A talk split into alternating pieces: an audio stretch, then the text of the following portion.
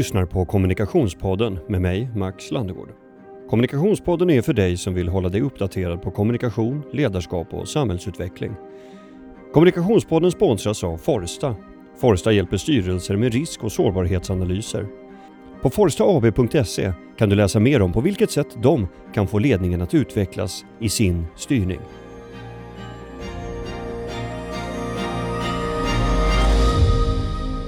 Personlighetstester är mycket populära, men deras vetenskaplighet har på goda grunder ifrågasatts. Psykologiforskarna Petri Kaj... Ja du, börja med Kajonius. en groda liksom. Ja, börja med en groda. Psykologiforskarna Petri Kajonius och Anna Doderman berättar i Vem är du? boken om den senaste forskningen på området och om Big Five-modellen som på vetenskaplig grund utklassar andra modeller för att mäta just personlighet. Den utgår från att alla människor präglas av fem huvudsakliga personlighetsdrag som påverkar våra känslor, tankar och beteenden. Mm. Och nu sitter de med mig också här i studion. Välkomna Petri Kajonius och Anna Doderman till mm. Kommunikationspodden. Ja, tackar. Tack. Tack för att ni ville komma hit. Mm. Eh, lite bakgrund. Eh, vi kan börja med dig Petri. Psykologiforskare, vad, vad har du för bakgrund? Ja, vad vill man veta liksom? Jag håller till på Lunds universitet bland annat såväl som Högskolan Väst i Trollhättan.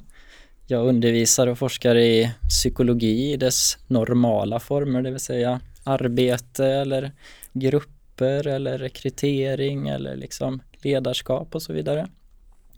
Och jag är ju otroligt intresserad av att mäta psykologiska variabler då. Och då är ju personlighet och intelligens, det är ju två stora spelare då som alla karaktäriseras av. Så ifrån det hållet kommer jag då. Mm. Spännande. Anna? Ja, det, det, här blir lite svårare för, för min del att sammanfatta det så pass kort eftersom jag är mycket äldre än Petri. Och då har jag eh, kunnat sadla om flera gånger. Eh, jag är från grunden civilekonom och har drivit företag. Mm, Sen när jag blivit lite äldre och barnen blivit äldre så började jag plugga psykologi. Så jag har disputerat både i psykologi vid Stockholms universitet och medicinsk vetenskap i rättspsykiatri vid Karolinska institutet. Jag har jobbat vid de lärosäten ett antal år. Sen har jag utbildat poliser också i bastaktik och på vidareutbildningen. Vad betyder det, bastaktik? Bastaktik, hur man ska bemöta till exempel demonstranter eller ja det var ju specialtaktik men bastaktik, mm, alla poliser som är ute eh, bland folk de måste kunna grunderna hur de ska bemöta människor, hur de ska kommunicera och så vidare, hur de ska skydda sig ja, det, det, var det. Mm, jag jobbade där i tre år men det var mm. ju lite speciella saker. Vi utbildade också civila mm. gripare hur de ska eh, dokumentera vid huliganer och så vidare. Så mm. mm det var det. Eh, sen ja, så har jag jobbat på Högskolan Väst nu i tio år så är jag professor i psykologi. Och hur kom det sig att ni två började samarbeta ja. med den här boken? Det är ju eh, det är ju en, det är en kombination av tur och skicklighet förstår ja, du. Ja. Men liksom som kollegor så har vi mötts på arbetsplatsen förstås och identifierat att vi har gemensamma intressen. Och min iver och drift att liksom kunna förstå det här med personlighet och varför är vi som vi är och varför gör vi som vi gör. Det får ju ett så fint komplement och spegling i Annas långa karriär då med just äh, abnormal psykologi eller psykiatrisk psykologi eller även det här som nämndes med just eh, kombatanta situationer där det faktiskt gäller någonting där det spelar roll vem du är. Mm. Vem som helst kan inte vara liksom kravallpolis och vem som helst kan inte vara stridspilot och vem som helst kan inte ens vara universitetsforskare, visste du det? och då är frågan, vad, vad beror detta på? Så mm. där tycker jag att vi har fått ett rätt fint samarbete. Mm. Spännande. Jag tycker det har funkat väldigt bra mellan Petri och mig i undervisningssituationer och även i forskningssammanhang. Mm. Vi samarbetar väldigt, väldigt bra tillsammans och att skriva en bok tillsammans betyder mycket att man får välja vem man vill skriva ihop med. Och då väljer man inte någon person som man vet att personen inte funkar. Eh, alltså det är mycket man bollar idéer, man skriver, man förväntar sig att man får svar ganska snabbt, att man inte behöver vänta i evigheter för att tankar och idéer eh, växer. Och, alltså mm. de föds nu, just nu och då, då vill man ha kommunikation med varandra. Mm. Så det har funkat jättebra mm. faktiskt. Ett kanske ännu bättre svar på varför vi jobbar ihop det är ju att vi har löjligt hög samvetsgrannhet som personlighetsdrag båda två. Mm. Så vi får verkligen saker och ting gjorda. Mm. Och det kan ju låta som löjligt skryt men det råkar bara vara så vi är funtade. Va? Mm. Och sen har vi också en eh, ganska charmig öppenhet ihop vill jag påstå. Vi, mm. vi, vi är intresserade av saker, vi är inte rädda för saker, vi vågar sticka ut hakan och det kanske till och med är därför vi sitter här eh, inklusive dig då, att, mm. att vi har någonting att förmedla. Det finns en, en öppenhetsiver här liksom. Kom igen, kom igen folk, mm. liksom, det finns något att veta här. Mm. Så. Ja, vad bra att du kom in på en utav traitsen här, samvetsgrannhet. Vi, vi, vi ska ju borra oss in i det ganska snart här. Men en sak som jag slogs av nu när du sa det just att man mäter personlighet men också intelligens. Mm. Eh, att mäta intelligens är inte det också omfattat utav, alltså att systematisera intelligensmätning? Eh, mm. Det måste ju ligga ganska mycket tabu kring det. För det, det segmenterar ju också människor i mm. å ena sidan krassa rättvisa men också å andra sidan orättvisa fack. Mm. mm. Mm. Men så har jag aldrig sett det för att jag tycker det är grundläggande att man måste mäta folks eh, eh, eh IQ det gör man inom rättspsykiatri. Mm. Det är en första sak man gör oavsett vilka tester som används, där man alltid gjort. För att man måste kunna bedöma om eh, varför har personen gjort saker och ting, om, om man eh, kan eh, stå för det. Eller om man har blivit manipulerad på något sätt, är man eh, låga nivåer av intelligens så är man lätt manipulerad och någon annan kunde ha påverkat en. Eh, personer med högre nivåer av, eh, av eh, intelligens förväntas att vara mera självständiga. Mm. Jag förstår ju också klangbotten i din fråga där mm. men det är väldigt lätt att replikera och fråga varför är det någon skillnad på att mäta intelligens eller mäta längd? Vi mäter till exempel alla sjuåringar i Sverige och så levererar vi utvecklingskurvor så vi nästan plus minus tre centimeter vet hur, gamla, hur långa de ska bli när de är gamla. Mm. Eh, man kan ju se allt det här som bara hjälpsamt. Ja, absolut. Mm. Mm. Eh. Jag tycker man gör det, jag måste säga det faktiskt, för att man gör det alldeles för lite. Eh, begåvade barn borde upp eh, upptäckas tidigare i skolan. Och det gör man inte bara därför att det är någon sorts tabu eh, bland eh, vissa politiker eller jag vet inte vilka som stopp, sätter stopp för det. För att barnen förlorar väldigt mycket. Och det är många länder, eh, i USA kanske tittar man närmare på det, men, men det är väldigt löjligt att sätta tabu på något så grundläggande grej. När folk stoppas i sin utveckling i flera år istället för att hjälpas åt och bli mobbade kanske istället för bara för att de är för duktiga. Mm. I en strävan istället att, ja, att man ska precis. ha en eh, Ja det finns ju ett ord för det där men att, att det ska ja. vara en likvärdighet i, ja, precis. Mm. i skolklasserna. Mm. mm. Mm. Det är också en intressant fråga. Verkligen, verkligen. Världen är ju inte likvärdig. Mm. Gilla läget liksom eller? Mm. Det är svåra frågor. Ja, absolut. Allting är normalfördelat. En del är superlånga, en del är superkorta. Du och jag skiljer oss åt rätt kraftigt på den punkten för övrigt för de som inte ser oss. ja. Men eh, jag vet inte. Jag ser det bara som verktyg och redskap för att kunna ha ett bättre liv på både individ och gruppnivå. Liksom. Mm. Men om man får en, en, om man blir bedömd med låg intelligensnivå, mm. låt säga. Mm. mm. För nu, nu finns det ju den höga intelligensnivån som du mm. vidrörde här Anna. Om man får eh, fastslaget att man har en låg intelligens ja. som ung, ja. som barn. Ja. Eh, kan inte det också skapa ett eh, raster? Bara där och då. Mm. mm. Alltså genetiken är långt starkare än att en lärare sa att jag var dum eller att mm. några eh, mm. kompisar retade mig på rasten. Eh, mm. Möjligen att det kan skapa lite tumult och förvirring och skada där och då. Men på sikt så måste det ändå ses som något hjälpsamt. Att man får stöd, man får identifikation från föräldrar, man får kanske förståelse från en auktoritet, en lärare och så vidare. Så den här stämplingsteorin som ligger i bakgrunden här, det är inte säkert den är sann, särskilt inte över tid. Mm. Ja, men för jag menar, det, det där ja. har man ju ingenting utav. Nu får ni gärna rätta mig om jag har fel här, men eh, min bild där, om man mm. tittar på till exempel skolväsendet mm. men också vid arbetsplatser och mm. sådana saker.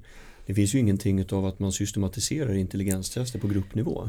Nej, nej, man gör inte det. Förutom inom rättspsykiatrin. Ja, precis. Men jag, tänker så här att man behöver inte berätta för eh, de övriga hur barnen ligger till och de behöver extra stöd. Om man blir, det finns väldigt många högintellektuella eh, som har till exempel dyslexi och de kan framstå som dumma i vissa sammanhang.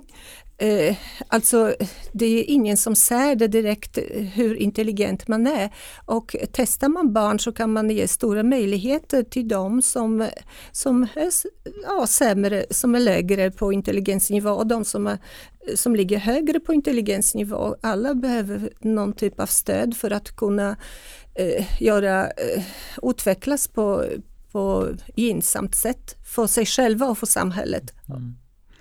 Mm. Det som är lite spännande här är ju att eh, när man mäter intelligens då kommer man in på de här etiska frågorna ögonblickligen.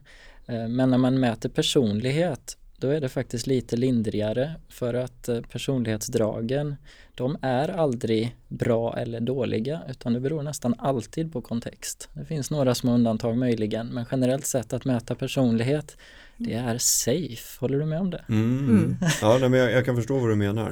Mm. Det är ett väldigt intressant resonemang. Vill, vill, du utveckla, på vilket sätt är det safe menar du? Det är safe i bemärkelsen av att du eh, hamnar inte så mycket i, i eh, kategorier eller att eh, övriga ser på dig med en gemensam blick för att låt oss säga vår samvetsgrannhet, den gör att vi möjligen är här och har skrivit en bok. Men i ett annat sammanhang så kan det vara direkt hindrande att vara för kontrollerande eller ha för mycket koll eller ha för mycket detaljkunskaper om saker och ting som man når inte fram. En del som har för hög samvetsgrannhet, de kan inte ens bli fulla på fest. Har du hört talas om något så dumt? jag har aldrig hört. Vad ni på? Nej, inte jag har inte hört talas om detta. Nej, men, men jag vet. umgås inte med personer som är hämmade. Openness liksom. öppenhet. Ja, så är det ju. Nej, men det är så kontextdrivet det här med när det är effektivt att vara på ett visst sätt och där ligger personlighetspsykologins styrka som jag ser det. Att den kan verkligen identifiera när, var, hur du kommer att vara effektiv eller ineffektiv. Då. Varför, ni, ni börjar ju tangera svaret på min nästa fråga. Mm -hmm. Varför ville ni skriva den här boken? Mm. Ja, vi vill fylla i kunskapslucka. Mm. Vi tycker det är så mycket pseudovetenskap vad gäller personlighetstest. Det är den främsta anledningen. Precis. Vi det var för mycket skit där ute. Ja, absolut. Ja. Mm. Och det där med färger och allt, man blir så irriterad så mm, man bara kokar. Så boken var nästan, boken var nästan tvungen att bli till. Ehm, det finns så mycket relevant kunskap. Det finns så många metaanalyser, vilket då är aggregerade studier på vetenskaplig nivå. Det finns så många översiktsartiklar nu som ändå har mätt personlighet över hela livet hos individer. Så det vore sorgligt att inte sammanfatta det för alla som behöver den här kunskapen, det vill säga rekryterare och personalutvecklare och HR-personal och chefer och you name it. Va? Mm. Eh, och därav att boken nästan behövde bli till på någon nivå.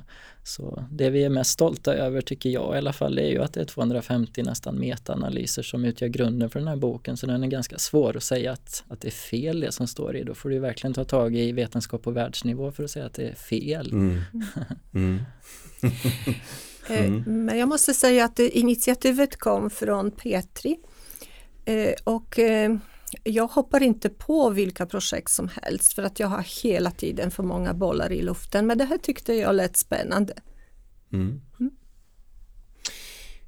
Innan vi går vidare, för det känns som att vi måste liksom hitta en liten tolkningsgrund så att vi har mm. liksom semantiskt lite common ground att stå på. Mm. Vill du beskriva de här fem personlighetsdragen som präglar the big five? Mm. Eller som the big five består av, förlåt. Ja, Jag kan ju försöka dra i den bollen någon minut här. Det är ju egentligen en summering av alla adjektiv som finns i ett givet språk för hur man särskiljer människor liksom. Ja, du är lång och jag är rolig och hon är liksom eh, trevlig och så vidare och så vidare. Och när man då börjar göra analyser på alla dessa adjektiv om hur människor är då verkar det som att de klustrar sig då. Och fortsätter man då att titta på hur de korrelerar, samvarierar, hänger ihop så kan man faktiskt hederligt säga att runt fem personlighetsdrag kan karaktärisera vad som skiljer en individ från en annan. Och det är ju häpnadsväckande reduktivt ifrån ett vetenskapligt perspektiv. Med fem stycken drag, fem stycken sådana här mätare så kan jag eventuellt fånga ganska bra variation mellan mig och Anna och mellan dig och mig. Och sådär, va? Mm. mm. Och då brukar man använda ett litet akronym som på engelska heter Ocean då för att komma ihåg ett hav av människor, Ocean, liksom the sea of people. Och då kan man beta av dem en och en och då ligger det tyvärr närmast att lägga sig på engelska då. Mm. O som i openness då, som är öppenheten då. Och den skulle karaktäriseras av tendensen till att vara nyfiken, vetgirig, intellektualiserande, abstraherande, sökande, eh, nya intryck, förändring, eh, progressivitet. Du hör synonymfloran här som ligger mm. under öppenhetsdraget. Mm, det, va? Ja. Och det bottnar ju i det här språket vi använder om varandra. Så öppenhet är ju ett av de mer komplexa dragen. Det tangerar ju lite det här med intelligent nyfikenhet och införskaffande av ny information och sådär. Mm. Eh, öppenhet är ju ett drag som evolutionärt sett eh, är intressant för att det driver utvecklingen framåt men låg öppenhet är precis lika viktig. För tänk om alla bara skulle skena iväg på alla sina nya idéer. Alltså konservatism då som vi kallar det på politisk nivå, det är ju ett utslag av låg öppenhet och det behövs då. Det finns en del akademiker bland annat som tror att bra, hög öppenhet är bra, punkt slut. Mm. Vad betyder det liksom? Det kan ju inte vara bra per definition. Mm. Och den lilla pläderingen vill jag lägga på allt vi säger här idag. Att gör inte misstaget att säga att jag har högt på det, därför är det bra. Då har du missat hela poängen.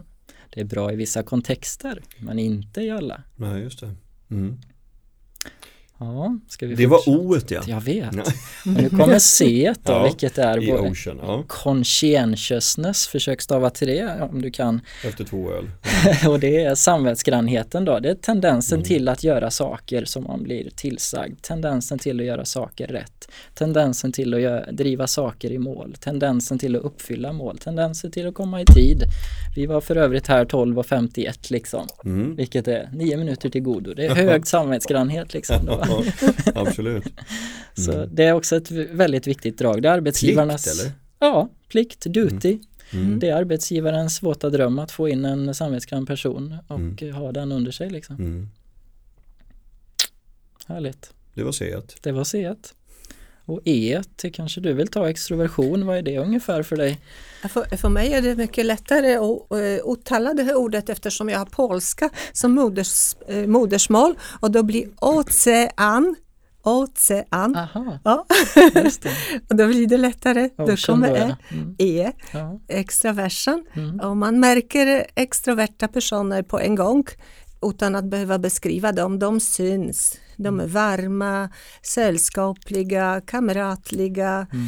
Ja, det, de en, ville energi, visa upp liksom. sig, energi, värme, mm. de ville visa upp sig och mm. vill, det, liksom, ja, det ligger, det ligger i, i, deras natur. Mm. Eh, de vill inte sitta hemma för sig själva. Det gör de kanske mellanåt och, men inte alltid. Och mm. Ska man eh, gå illa, gå på fest och eh, dansa och umgås med folk, det, det är grejen. Precis, ja. och sen kan man ju ha låg extroversion och då kallar man mm. det ofta för introvert då. Mm. Så man hämtar energin inifrån hos sig själv. Man behöver inte ringa mm. en kompis kanske för att må bra och så vidare. Och så vidare va? Och, är det mm. i, i det här fallet också ja. motsatsen? Ja, det kan ja man precis. Säga. Det är motsatsen. Det är mm. motsatsen. Och de flesta ligger så här mitt emellan. Det är mm. bara de helt extrema eh, människorna som, mm. som syns och märks. Oftast, de flesta har, ligger något mitt emellan, Just. varken eller. Mm. Och det är det som är så bra med det testet att man eh, att det är bra var man än är någonstans så är det helt okej. Okay. Mm, just det. Ja, då är vi AC så agreeableness då är ju mm. välvillighet som vi kallar det i boken. Mm. mm. Och det är ju helt enkelt hur man tenderar att se på andra då. Om samvetsgrannheten handlade om hur du ser på saker och ting som ska utföras så är ju välvilligheten tendensen till hur man ser på människor som man har att göra med. I vilken tendens är det viktigt för mig att alla mår bra? I vilken utsträckning är jag empatisk? Liksom? Hur viktigt är det för mig att eh, samarbete sker? Eh, välvilligheten är liksom ett socialt klister i vårt samhälle. Eh, Sverige ligger bland de högsta länderna i världen just på välvillighet och i det offentliga rummet. Vi vill verkligen att alla ska känna sig väl till mods. Mm. Och är det någon... Vi tänker då på liksom förenings-Sverige och, liksom och möten. möten och mm. du vet, mm. Eh, det räcker med att en person eh, inte mår bra, då blir det dålig stämning citat som det heter på mm. mötet och det vill vi inte då. Och välvilliga människor lider extra mycket av det då. Tänk om det är dålig stämning. Liksom. Mm. Och, Mm. Och just, just detta personlighetsdrag är typiskt för personer som är lagförda för brott. Det är liksom just mm. detta personlighetsdrag. Hur mycket man än försöker fuska på testet så kommer det fram att Precis. just här är man så väldigt låg. låg. välvillighet. Mm. Ja, är, är, det signifikant på gruppnivå för brottslingar? Ja, ja över hela världen, vad man än gör, även individuella tester, så mm. ligger man högt på alla andra och ligger låg just bara på detta, mm. så är det indikation på att man är liksom på mm. något sätt man har, avvikande. Man har potential för mm. att begå antinormativa handlingar. Liksom. Mm. Mm.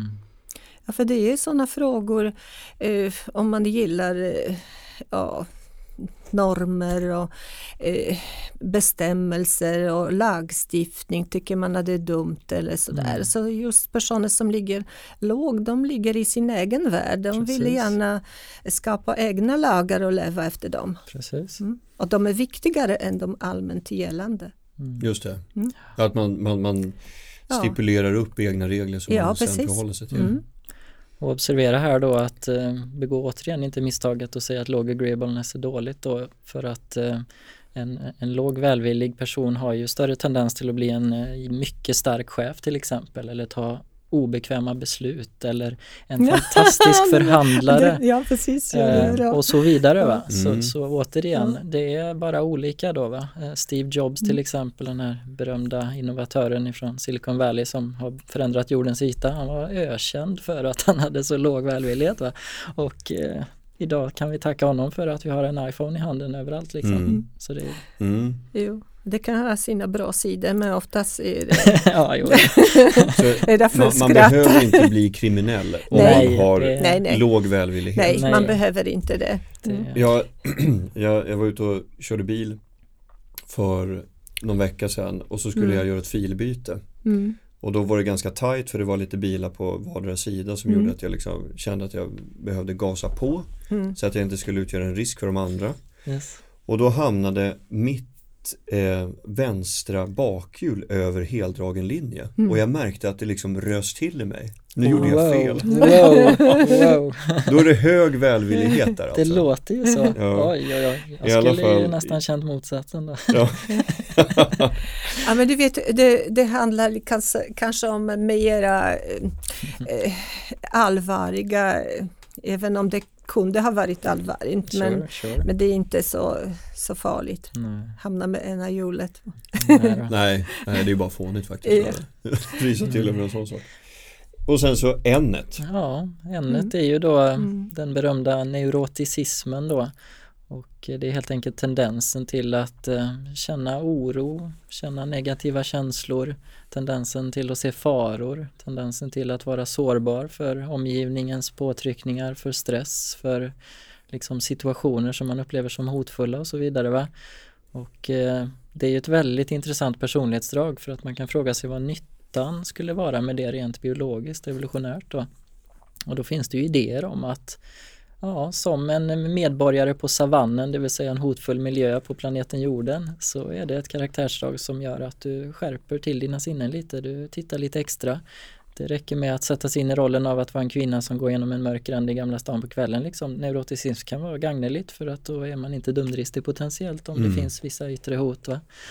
Eh, så neuroticismen är lite tuff att leva med. Den är obekväm, den är jobbig liksom. Eh, men den finns där.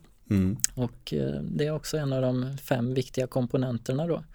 Och vill man ytterligare få lite kött på benen så kan man säga att motsatsen till neuroticism är någon variant av emotionell stabilitet och att man berörs inte så mycket av känslorna. Eh, det, det är lite så man kan se på det i alla fall. Mm. Jag, jag, tycker det är, väldigt, det är väldigt viktigt med, med neuroticism just uh, utifrån uh, evolutionell perspektiv. Det är, det är så att vi anar faror. Vi som, jag säger vi, för jag är också uh, ganska hög i neuroticism. Man anar faror i, mm. i, innan någon annan eh, anar någonting. Och det här är väldigt eh, positivt att man liksom är alltid beredd. Det är det vi har ju utbildat poliser, att de ska alltid vara beredda alltid vara beredda. Det kan uppkomma situationer att de ska inte känna sig hungriga eller sånt. Ta med dig mackor. Jag tar alltid mackor och vatten på tåget för att jag vet att mm. de kan ju stanna där. Men det är bra. Sådana personer är bra också i, i olika grupper grupper för att de kan ju ganska snabbt upptäcka någon annan som kanske inte är så positiv och bra för gruppsamarbete. Mm. Snabbt eh, kanske känna av någon chef också. Mm. Eh, eh snabbt, snabbt känna av falskheten hos folk. Just det. Mm. Ja men alltså och, och, och, i, en, i en professionell struktur också ja. kanske identifiera risker och hot. Ja absolut. Mm på ett annat sätt. Så. Ja precis. Mm. Eh, jag tänker på, på det, detta drag finns även bland djur. Alltså alla, ja, alla de där, för, men just det här, jag, jag observerar min katt liksom. Ja. Nu, just nuvarande katt har jag inte lika mycket koll på för hon är väldigt, väldigt uh, självständig. Vem vi, har någonsin koll på katter? Ja precis, men förra katt hon skulle alltid gå efter mig på promenader och gick mycket på nätterna och du mm. vet, då jag var orolig att katten skulle bli påkörd för hon skulle gå efter mig överallt. Men hon stod där och tittade höger och vänster och sen sprang hon. Så du mm. vet, det här mm. är också ett drag hos mm. djuren, att de är lite försiktiga, inte bara springer rakt ut och blir mm. påkörda. Det är ju mm. som matte som eh, ja. katt. Märks att ni har jobbat tillsammans. Eh, kan, man, kan man köna de här eh, egenskaperna? Och det mm. betyder att Alltså skillnader mellan kan, kön. Kan man, kan man se mm. att eh, kvinnor respektive män har mm. mer eller mindre av de här olika egenskaperna? Mm. Jo. jo då. Mm. Det är helt okontroversiellt, eh, det vet väl alla som varit ihop med någon. Nej men vi har ett litet kapitel om det i boken där, eh, där eh, könsskillnaderna slår tydligast i just välvillighet och neuroticism då. Och det skulle kunna finnas långsiktiga evolutionära skäl för det, liksom att kvinnan riskerar mer i graviditet, havandeskap, eh, hantering av barn och att neuroticismen har varit gagnelig åtminstone förr då. Och även välviljan där, alltså det är ju sorgligt om det inte finns välvilja mot de här små spädbarnen som ska tas hand om i bortåt 18 år eller vad det nu kan vara. Mm. Eh, så, så det, det, där, mm. där är det tydligt då. Övriga. Och med, med Sveriges nuvarande etableringsålder kanske 30 år. kanske det va? Du vet, bo hemma tills du är 35. Ja, det är underbart. Ja. jo, men vi ser också skillnader i openness. Det är kanske ett drag som mm.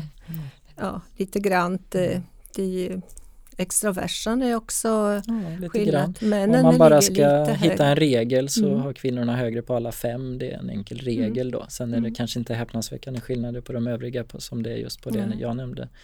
Um, och sen beror på var man bor också geografiskt. Det finns skillnader både mellan länder och även i Sverige. Ja, jag har gjort en ja. fin karta. Ja, Varit i Brasilien och visat ja, för en konferens. Berätta om det, de geograf geografiska skillnaderna.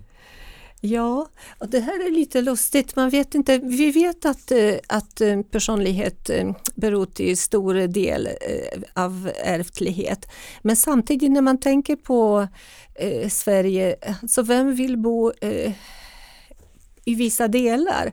Vissa människor vill bo i storstäderna. Mm. Eh, de dras dit, det går liksom inte bestämma att du ska bo uppe i Norrland och, och, och kolla på naturen. Mm. Utan man väljer själv var man vill bo och då när man möter personligheten bland olika alltså människor som bor geografiskt olika så ser man skillnaden. Du har ju gjort en sån studie mm. Petri. Ja, vi presenterade en poster på mm. världskonferensen i personlighetspsykologi i Brasilien 2016 mm. där vi noterade att det var skillnader i medelvärde på norrlänningars välvillighet och skåningars välvillighet till exempel. Mm. Eh, kan du gissa vem som hade högst välvillighet? Eller du ska inte ge dig in i en sån debatt kanske. Men, men berätta, vad hade ni för findings? Norrlänningarna hade högre välvillighet då och vi, jag spekulerar i att det kanske beror på befolkningstäthet och sånt att man kan unna sig att vara schysst där uppe på fjället med, med en, en kaffetermos och, och ropa till grannen på ett helt annat sätt än man kan i Malmö eller Helsingborg eller trånga städer då va. Mm. Det är ren spekulation men datan visar att det finns medelvärdesskillnader och det är intressant. Jag körde fast mm. med min bil när vi precis hade köpt vårt landställe på Gotland. Okay. Mm. Så körde vi fast mm. en stor tom skåpbil. Mm. Det är ju bara en, en lågbegåvad person som skulle kunna räkna ut att det inte såklart kör fast i dyig mark. Så sagt och gjort så stod jag där. Och jag var, stod i begrepp att ringa till någon bärgningsbil men då kommer grannen förbi med sin traktor. Mm. Och vips så var bilen mm. uppe. Fantastiskt. Mm. Och jag tänkte, jaha nu har vi inlett en transaktionsmodell här. Så nu måste jag liksom, vad har jag för valuta att kunna ge honom nu då? Men det, det, det, var bara det var bara... givet såklart. Ja, nice. Enligt honom då att, att hjälpa till.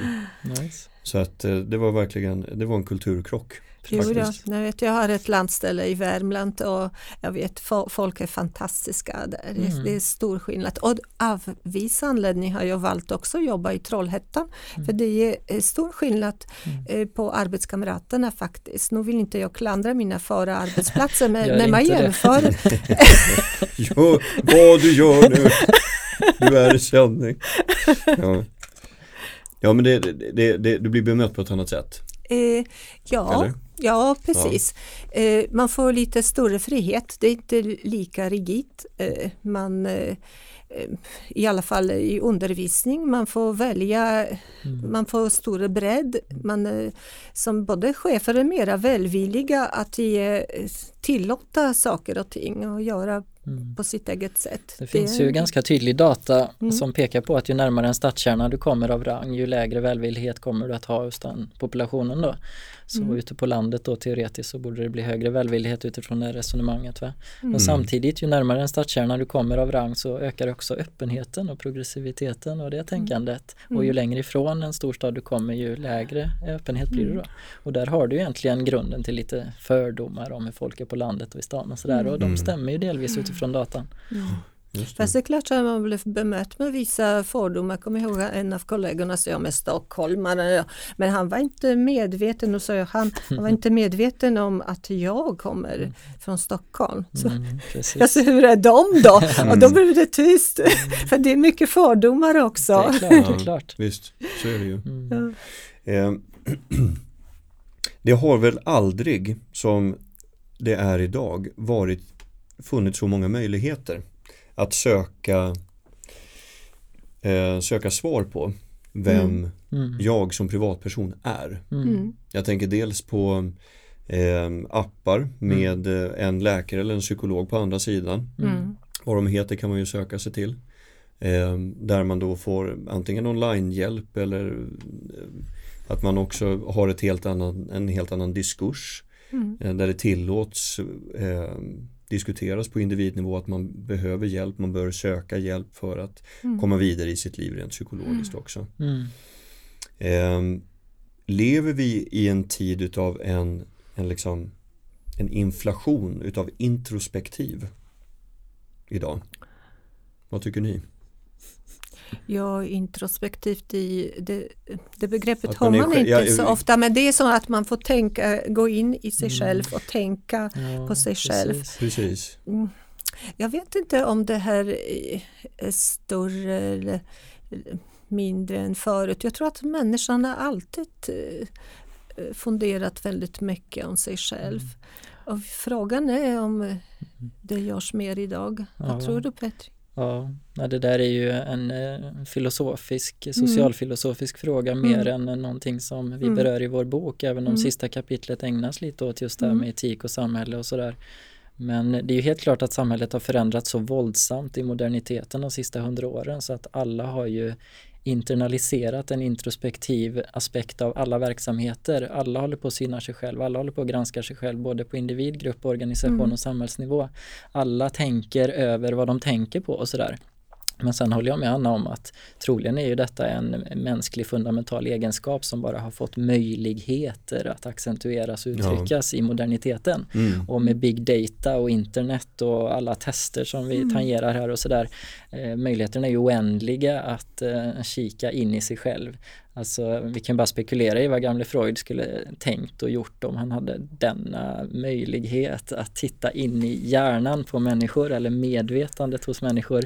Eh, vem vet, vem vet, vem vet. Mm. Ja, men han, ja, men Då kanske han, han inte hade behövt gå till drömmarna. Ja, men problemet med Freud var att det är han som skulle ha företräde, det är han det eh, som skulle bestämma hur någon annan är. Och i det här fallet när eh, människan får själv titta på sig själv själv. Till mm. exempel genom att testa sig i Big Five. Mm. Då, eh, då är det väldigt positivt för att nu har jag själv bestämt mina svar på dessa frågor som mäter Precis. varje personlighetsdrag. Det är inte eh, mina drömmar eller auktoritet som mm. har tolkat det utan jag själv har sagt så här är det och då mm. är jag som jag är. Precis. Då det kanske kan liknas mm. vid revolutionen med kristendomen och sådär. På 1500-talet mm. så var det prästen som hade företräde och ja. tolkningsrätt över mm. ditt liv. Mm. Eh, ja. Och eh, kanske nu att vi på något liknande sätt psykologiskt får ta tillbaka den makten istället för ja. att Freud eller en psykolog berättar hur vi är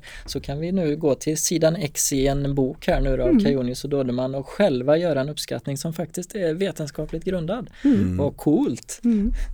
mm. En, en slutsats som, som jag drog bara och återigen eh, om, om den är alldeles för, för snäv eller svepande så, så säger jag emot men eh, när jag slog ihop boken mm. så tänkte jag att eh, ja, det finns, inget, det finns inte så värst mycket man kan ändra med sig själv. Mm. Utan vi är de vi är. Mm.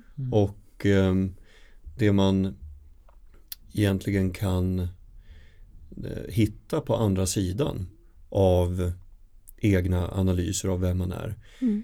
Det är mer självklara svar. Det går inte så värst mycket att göra så, så mycket åt det. Mm. Skulle du vilja det? Känner du dig missnöjd med dig själv? Nej, det, det skulle Nej. jag inte säga. Och de flesta människor reagerar så. De flesta mm. människor är rätt nöjda med sig själva. Så det här ja. är ju good news va? Mm. Ja, absolut. Det var bara det att nej men det, det, det som blev lite dissonant i mig mm. mm. det är ju att um, intrycken som jag har fått innan det är att man genom terapi eller självhjälpslitteratur kan bli en annan människa. Um, Mm. Genom att accentuera ett visst mindset sure. mm. eh, på eh, hur man reagerar i vissa situationer så har man möjlighet att bli någon annan. Mm. Och det menar jag på att er bok går på tvärs mot det. Mm. Mm. Ja, gärna. Alltså 50% genetik ligger i botten. Hur bra mm. går det med dina självförverkligande projekt? Det, mm. det håller en månad. jo men nu, nu, handlar, nu handlar det om normal personlighet. Ja. Eh, och det är klart, ligger man i de all, alldeles extrema ändarna där kanske bara en procent av eh, populationen ligger så kanske känner man själv att det här skulle jag velat lära mig mera om för att kunna hålla större band på. Mm. Mm, mm. Så det vi pratar om är ju normal mm. personlighet här. Mm. Abnormal personlighet kanske är mer effektiv eh, när det gäller terapi eller självhjälp och sådär. Man får mm. redskap att förhålla sig till sina extremiteter, eh, extrema avvikelser då. Va? Mm. Men som normal person så är det ju inte så mycket medvetet vi kan göra. Vi får hänga på vår genetik och se när den kickar in lite. Va? Mm. Och därmed mm. inte sagt att vi inte påverkas genom livet. Det gör vi ju bevisligen. Men poängen är att medvetet förändras är rätt svårt. För att världen är så komplex. Men vi förändrar oss själva genom att välja de miljöer som Precis. passar vår personlighet. Just mm. Alltså jag tyckte att det var ganska betryggande. Ja, det jag tyckte det. att det var skönt mm. att eh, slås av den slutsatsen att man, mm. eh, att man eh, ja. Och det finns ju en jättepoäng här för alla oroliga föräldrar liksom att man kan inte vara hur kass som helst som förälder, det ordnar sig. Barnen växer upp och blir seminormala, det, det är rätt lugnt alltså. Och, och man behöver inte vara så rädd för den miljöpåverkan som vi har blivit itutade under 1900-talet. Ja, jag, eh, jag jobbade inom utbildningssektorn en, en period och då kom jag och eh, träffade en person som tidigare hade jobbat, han, han är till åren kommen, men han jobbade alltså på ett eh, ett hem ute på Mälaröarna där de tog emot barn som hade farit illa på något sätt. Han pratade om överuppfostran och underuppfostran. Mm. Det var ett begrepp som han gärna använde sig mm. utav. Och han menade på att många av de här eh, barnen som ansågs eh, obekväma mm. i klassrum och i familjer ofta var överuppfostrade. Mm. Föräldrar och skolpersonal hade tjatat hål i huvudet på dem. Mm. Och det finns ingenting, sa han till mig då. Det finns ingenting som heter att man kan underuppfostra ett barn. Mm. För de ja. följer bara med. Eh, däremot så kan man tjata hål i huvudet på barnen.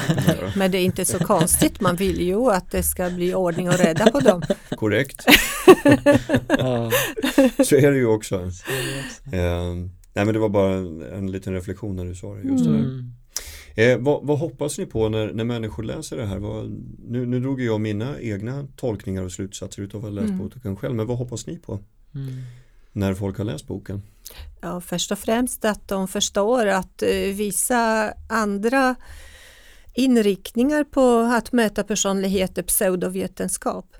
Mm. Ja, det är ju en jättestor poäng i boken att eh, mm. de här typologierna som vi har vant oss vid, det vill säga färgerna som Anna nämnde eller eh, hund, björn, katt, uggla, tester eller vad det nu kan vara, att de är ju föraktliga ur ett vetenskapligt perspektiv. De har ingen validitet och reliabilitet, det vill säga de kan inte förutsäga framtiden och de är inte särskilt ja, trovärdiga i, i sin, sina uttalanden. Va? Utan, utan alla har en nivå av respektive Big Five-drag end of story liksom. Mm. Det är så verkligheten bör representeras. Och det är inte särskilt komplicerat att hålla fem drag i huvudet och förstå att man har nivåer av det. Det är kanske till och med enklare än att titulera sig själv som gul liksom. Mm. Mm, så där har ju vi en poäng tror jag. Mm. Men det, det, är tråkigt att så, så pass många mm, hyggliga människor har blivit lurade att tro på att det är så. Mm. Alltså vi vill verkligen fylla i eh, kunskapsluckan. Mm, visst. Och så vill vi också att folk ska glädjas över sin personlighet mer och inte liksom hålla på hela tiden och, och försöka se den som något eh, sämre än någon annan och sådär. Alltså, du, är mm. ju unik och mm. det låter ju floskelaktigt och jag är ju inte sån. Mm. Men jag vill att man ska uppskatta sin personlighet. Man har bara det här livet och det mm. här, den här boken är liksom en liten spegel för att eh, le åt dig själv, ha kul åt dig själv, ha kul med dina vänner, identifiera lite traits, lite drag enjoy the ride liksom. Eh, mm. Och stressa inte över att folk är olika. Folk är ju långt mer olika än du tror. Så du har ju fel redan där alltså. Så att eh, det är härligt. Mm. Jag tycker man ska vara glad över det och stolt över det, eh, vem man är. Mm. Precis. Då kommer allt det här som vi eftersträvar med självförtroende och lycka och välmående och man bara accepterar sig själv i viss mån. Sen är det vissa drag som kanske är dåliga objektivt på någon nivå men mm. då har man ju nu fått en chans att förhålla sig till det genom att läsa boken och fundera lite och det där kanske jag ska försöka tona ner på i familjen hemma för att mm. Eh, verka korrelera med dåliga saker. ja, ja visst och man kan ju lyssna på det om man är extremt extrovert och, och i gruppmöten om någon har sagt att du pratar så mycket men då kan man ju tona ner sig och tänka på det hela tiden. Tänk på det, tänk på det. Mm. Mm. Vem är du heter boken. Mm. Petri Kajonius och Anna Dådeman heter författarna. Mm. Stort tack för att ni har delat med er utav ja. era tankar om boken Verkligen. i Kommunikationspodden. Verkligen. Tack så mycket att vi fick komma hit. Ja, det är en ynnest. Ni skulle vara med här som publik. Det är jättemysigt i den här studion. ni är varmt välkomna nästa gång. Jag ska se till att skicka en inbjudan. Tack så bra. mycket. Kommunikationspodden produceras av Storstad i samarbete med Resumé.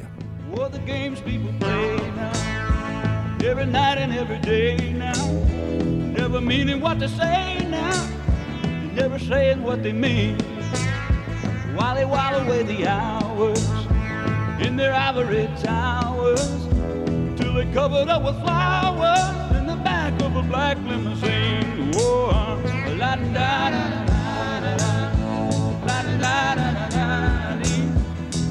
Talking about you and me and the games people play now. Oh, we make one another cry. Break a heart and we say goodbye. Cross our hearts and we hope to die. That the other was to blame. Oh, but neither one will ever give in. So we gaze at an age pretend, thinking about the things that might have been.